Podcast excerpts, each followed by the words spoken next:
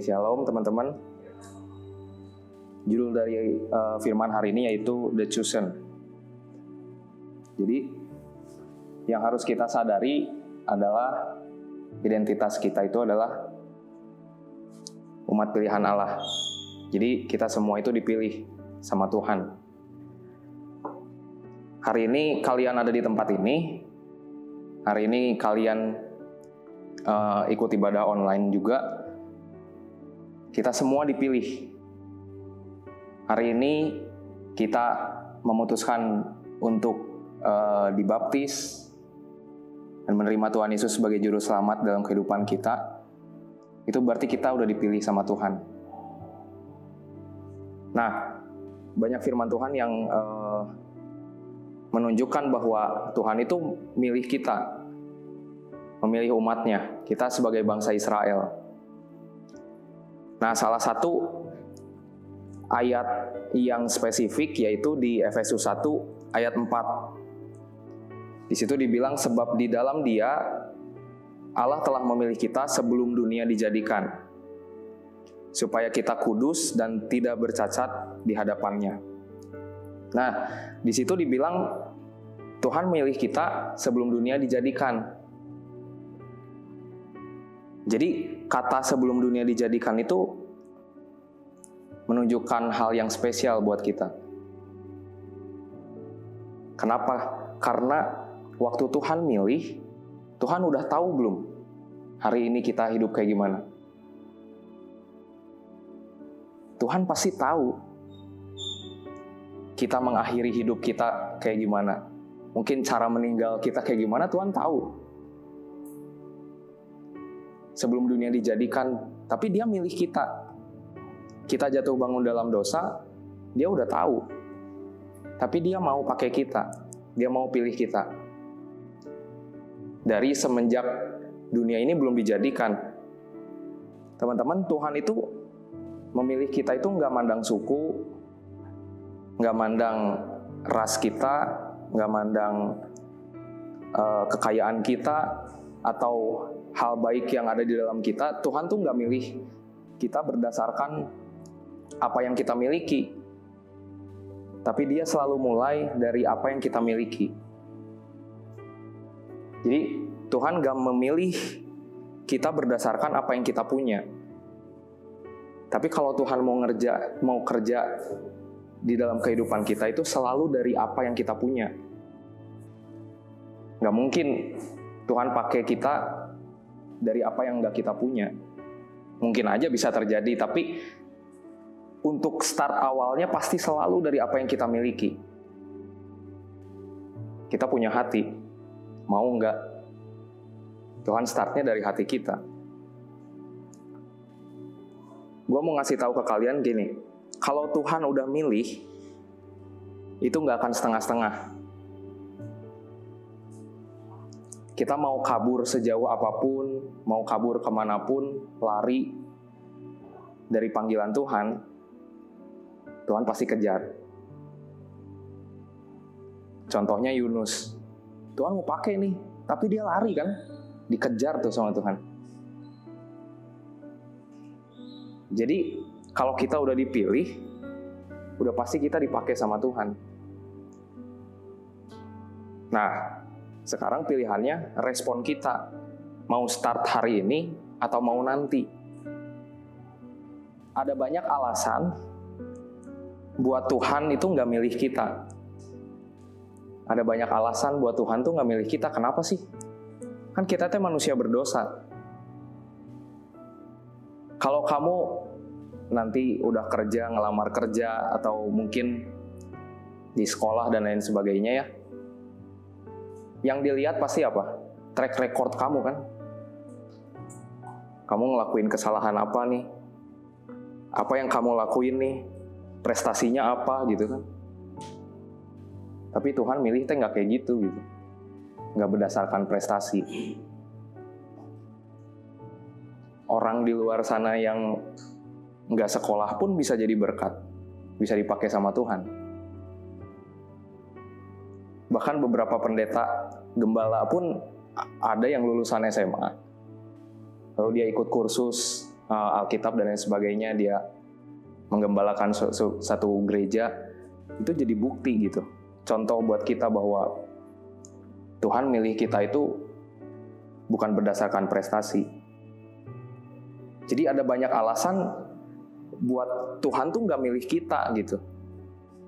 Kita tuh nggak layak, tapi Tuhan layakan. Jadi kalau Tuhan milih itu nggak setengah-setengah. Jadi gini, Tuhan udah milih kita ya, kita diperlengkapi, kita dikuduskan, kita dimampukan, double kan, triple malah lebih. Jadi nggak setengah-setengah kalau Tuhan milih. Nah, kita lanjut. Dipilih. Kita lihat di Lukas 5 uh, ayat 1 sampai 11. Nah, gue ambil uh, ini kisah yang menarik. Kita udah sering denger di uh, sekolah minggu mungkin ya, dan mungkin di teens atau kita dengerin firman kita udah sering denger ini. Waktu Petrus dipilih Tuhan jadi penjala manusia. Nah di ayat ke-1 dibilang pada suatu kali Yesus berdiri di pantai danau Genesaret sedang orang banyak mengerumuni dia hendak mendengarkan firman Allah.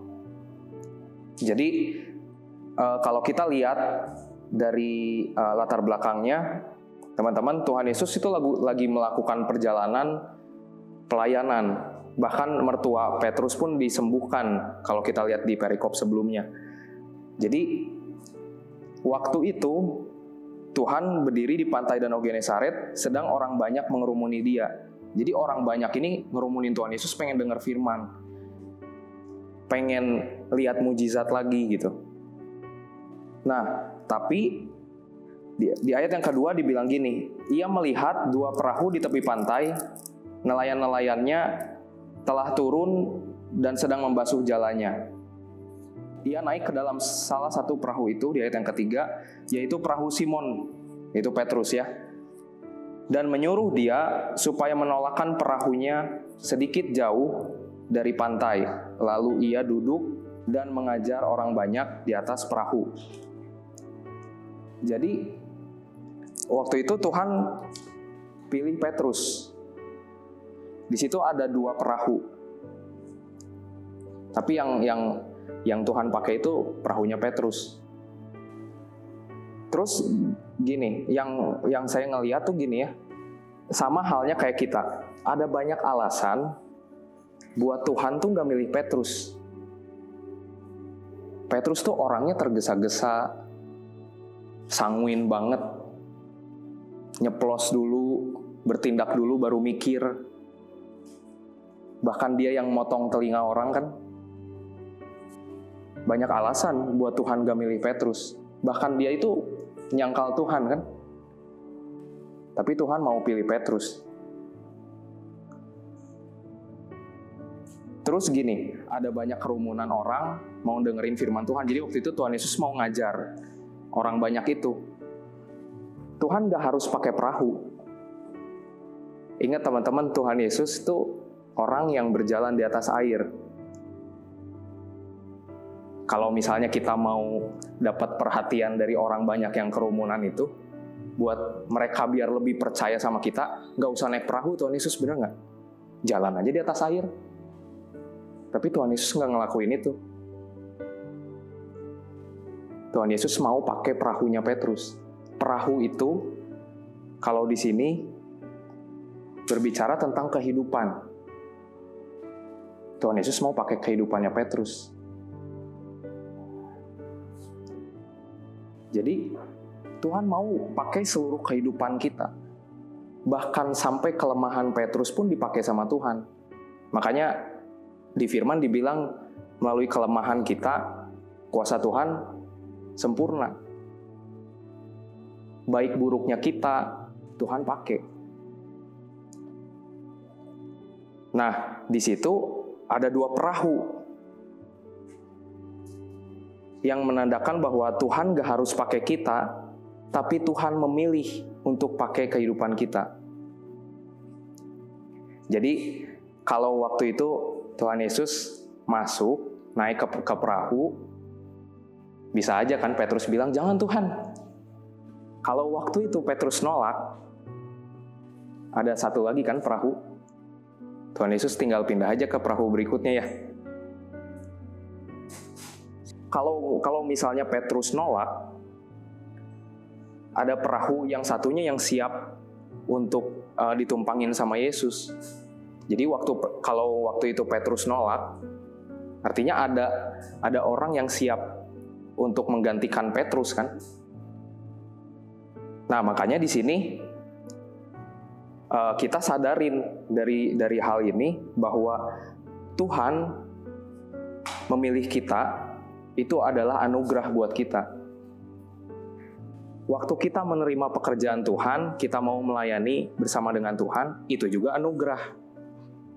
Karena apa? Kita punya opsi untuk nolak. Waktu Petrus nolak, ada orang yang siap buat ngejalanin uh, apa uh, pekerjaan Tuhan kan, siap ditumpangin sama Tuhan.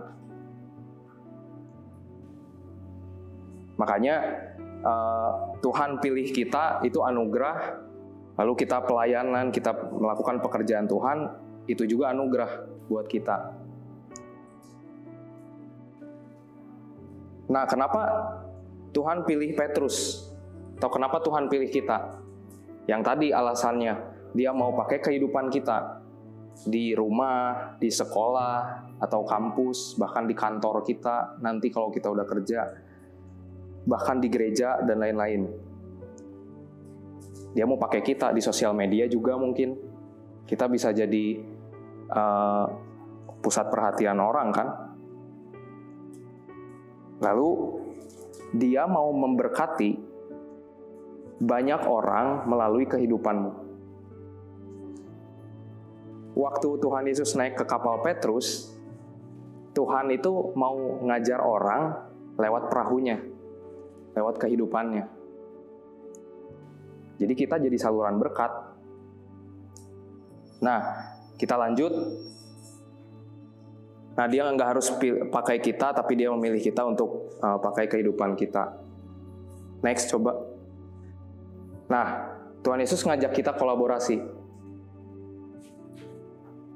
Zaman collab kan sekarang. Apa yang kalian tahu tentang kolaborasi? Kerjasama, saling menguntungkan, bukan? Nah, di 2 Korintus 5 ayat 15 dibilang gini, dan Kristus telah mati untuk semua orang, supaya mereka yang hidup tidak lagi hidup untuk dirinya sendiri, tetapi untuk Dia yang telah mati dan telah dibangkitkan untuk mereka. Jadi kalau kita ngerti ini,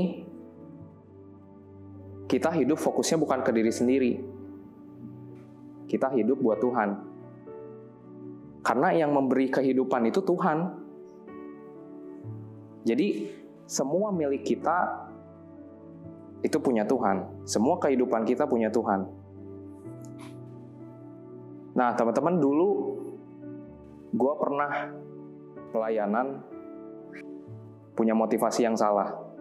Pengen dilihat orang. Tapi nggak jadi berkat buat orang lain. Dan buat gue sendiri nggak jadi berkat. Pengen tampil di mimbar gitu. Pengen main musik padahal nggak bisa.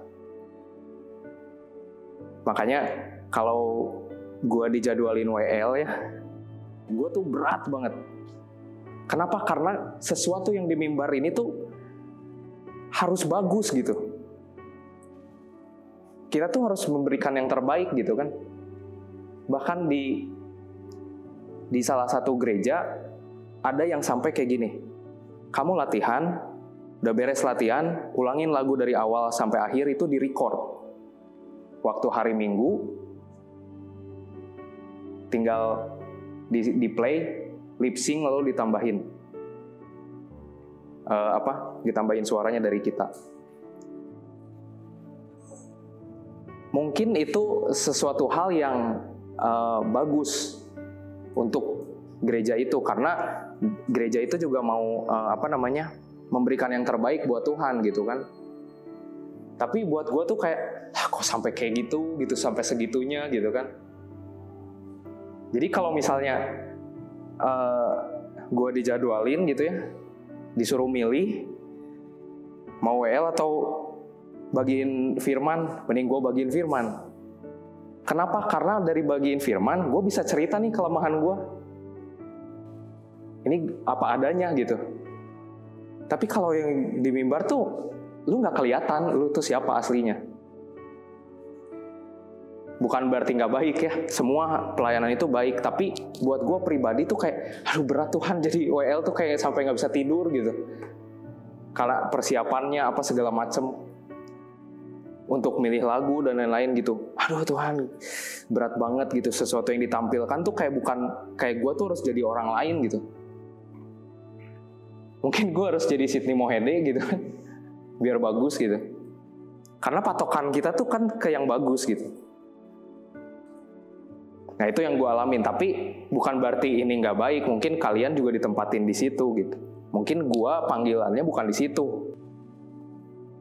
Nah, terus juga gini, gue pernah mikir gini, gue pelayanan lah supaya diberkati. Waktu dulu pernah uh, nggak tahu gue udah pernah cerita atau belum gue pernah down banget jauh dari Tuhan sampai gue bilang sama Tuhan Tuhan gue mau pelayanan lagi nge-WL supaya gue bisa dekat sama engkau hasilnya apa? Tetap aja jauh. Karena kehidupan di rumah gue nggak dibangun sama Tuhan gitu. Dibangunnya pas waktu persiapan WL aja gitu. Dibangunnya di mimbar doang gitu. Kehidupan kita itu dibangunnya di rumah loh. Makanya kenapa suka ada orang yang bilang gini pas waktu ke gereja, kok kayak nggak dapat sesuatu ya, kok kayak gue teh kosong gitu, pulang nggak dapat apa-apa gitu kan? Karena apa? Kamu datang ke sini kosong, Coba kalau dari hari Senin sampai hari Sabtu kamu diisi firman Tuhan, diisi hubungan sama Tuhan, kamu kan penuh. Datang ke sini, kamu nggak minta lagi. Kamu share yang ke, ke kepenuhan kamu itu sama orang lain. Jadi waktu pulang, kamu pasti dapetin sesuatu, bahkan memberikan sebagian milik kalian buat orang lain yang kosong. 2 Korintus 5 ayat 15 ini bilang bahwa kita hidup karena dia dan kita hidup untuk Dia. Seluruh kehidupan kita, apa pun yang kita lakukan, studi kita, sekolah, eh, pekerjaan kita, pelayanan dan lain-lain itu semua untuk Tuhan. Jadi waktu gua kerja itu uh, gua pegang firman yang bilang lakukanlah segala sesuatu seperti untuk Tuhan jadi kalau kamu melakukan itu, kamu nggak akan korupsi. Karena kamu melakukan buat Tuhan, bukan buat diri sendiri. Jadi apa yang kita miliki semuanya dari Tuhan. Di Lukas 5 ayat 3 sampai 7 di situ dibilang ia naik ke dalam satu salah satu perahu itu yaitu perahu Simon dan menyuruh dia supaya menolakkan perahunya sedikit jauh dari pantai. Lalu ia duduk dan mengajar orang banyak dari atas perahu. Uniknya, kalau kamu baca di terjemahan NIV, eh, kalau di sini kan dan menyuruh dia supaya menolakkan perahunya. Kalau di NIV itu dibilang he asked him. Dia nanya, kamu mau nggak ikut untuk ngajar orang. Kau mau nggak terlibat? Collab bukan? Lalu di ayat yang keempat, setelah selesai berbicara, ia berkata kepada Simon, bertolaklah ke tempat yang dalam dan terbarkanlah jalamu untuk menangkap ikan. Jadi, waktu semalam, Petrus itu nyari ikan, nggak dapat-dapat. Makanya di ayat yang kelima dibilang, Simon menjawab, Guru, telah sepanjang malam kami bekerja keras dan kami tidak menangkap apa-apa. Tetapi karena engkau menyuruhnya, aku akan menebarkan jalannya juga. Di ayat yang ke-6, dan setelah mereka melakukannya, mereka menangkap sejumlah besar ikan sehingga jala mereka mulai koyak. Di ayat yang ketujuh, lalu mereka memberi isyarat kepada teman-temannya di perahu yang lain supaya mereka datang membantunya. Nah, di, di ayat yang ketujuh ini unik nih. Dan mereka itu datang, lalu mereka bersama-sama mengisi kedua perahu itu dengan ikan hingga hampir tenggelam. Wah, ini collab sampai berlimpah-limpah nih AdSense-nya. Sebuah kehormatan besar buat kita. Kita bisa berpartner atau bermitra dengan Sang Pencipta. Waktu Petrus nebarkan jala, ingat bahwa ikan itu diciptain sama siapa? Sama Tuhan. Jadi gini, kalau kita collab sama orang, sama teman kita mungkin nanti ke depan kita rekanan bisnis atau sama saudara kita dan lain-lain itu mah hal yang biasa kalau sama orang biasa mah tapi kalau sama Tuhan lu bayangin dia tahu kapan waktu yang tepat untuk jala ikan makanya itu perahu sampai penuh jadi libatkan Tuhan dalam kehidupan kita waktu kita melibatkan Tuhan di dalam kehidupan kita, kita pasti diberkatin sama Tuhan. Walaupun jalannya nggak mulus. Terus uniknya gini ya, kita itu sebagai manusia kadang sering banget minta sama Tuhan waktu doa. Tuhan tolong berkati aku. Tuhan tolong sertai aku. Sembuhkan aku. Aku mau HP Tuhan yang baru gitu terus kayak nyuruh Tuhan gitu Tuhan sertai Tuhan tapi pernah nggak kita doa sama Tuhan gini Tuhan ini punya aku kehidupanku engkau pakai Tuhan ini HP aku nih. Tuhan ini Instagram gue nih. Lu pakai buat apa nih Tuhan? Jadi kita sebagai manusia itu memang kebanyakan minta gitu. Banyak pengennya. Tapi ingat kita tuh collab sama Tuhan. Harus saling menguntungkan, bener nggak? Masa iya kita minta-minta terus, kita yang diuntungin terus, tapi kita nggak mau berbuat sesuatu supaya Tuhan diuntungkan, supaya Tuhan dimuliakan. Nah, kamu mau nggak kehidupan kamu dipakai? Makanya Petrus ditanya, kamu mau nggak perahunya dipakai untuk kemuliaan namaku? Kamu mau nggak kehidupan kamu dipakai. Jadi Petrus ngelakuin itu. Dia persilahkan Tuhan untuk pakai perahunya buat ngajar orang banyak. Hari di mana Petrus meminjamkan perahunya sama Tuhan, dia mungkin nggak tahu bahwa beberapa tahun ke depan dia ikut sama Tuhan, banyak orang yang disembuhkan melalui pelayanan Tuhan Yesus bareng sama Petrus kan. Banyak mujizat yang terjadi di depan. Sama halnya sama kayak kita. Jadi jadi waktu Petrus ngasih perahunya sama Tuhan, dia jawab, "Ya Tuhan, aku mau ikut." Itu langkah iman. Meskipun dia nggak tahu di depannya kayak gimana, nggak ada kepastian kehidupan kita ke depan. Tapi Petrus mau ikut. Nah, sama dengan kita. Hari ini kalau kita jawab, ya Tuhan, aku mau terima panggilanmu, aku mau menjalankan panggilanmu. Waktu kita jawab ya, kita nggak tahu ke depan lima tahun lagi, 10 tahun lagi. Mungkin ada orang di luar sana yang pulih kehidupannya melalui kamu.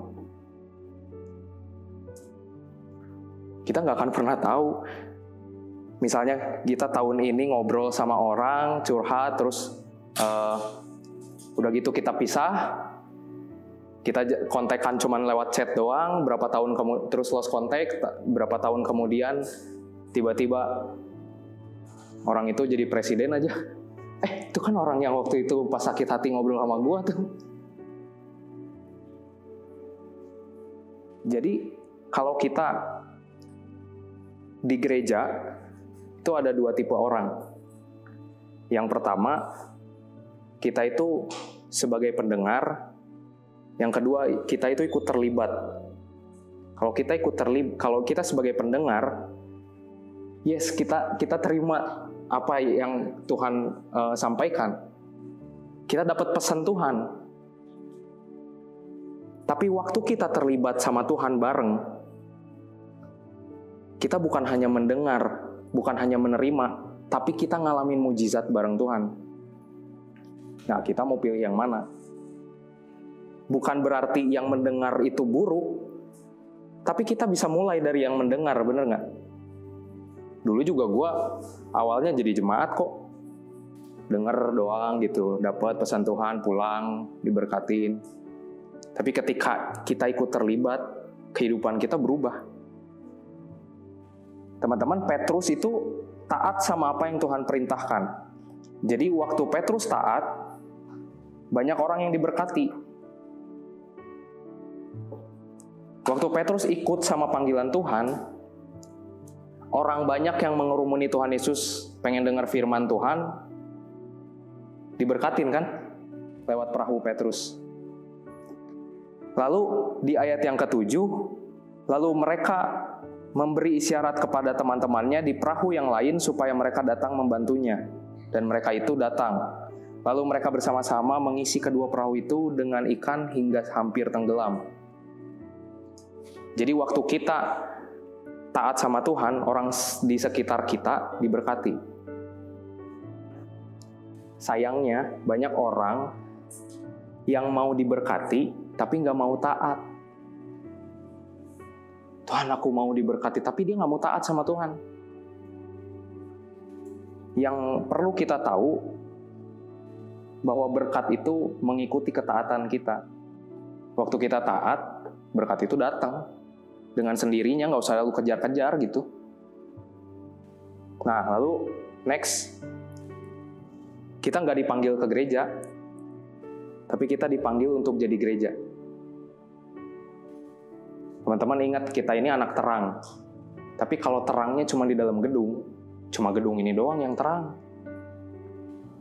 Coba kalau kita keluar, banyak yang butuh penerangan juga kan di luar. Dunia itu gelap. Kita itu nggak dipanggil ke gereja, tapi kita ini gereja. Pribadi kamu masing-masing itu gereja. Gedung ini nggak akan dibangun kalau nggak ada kalian.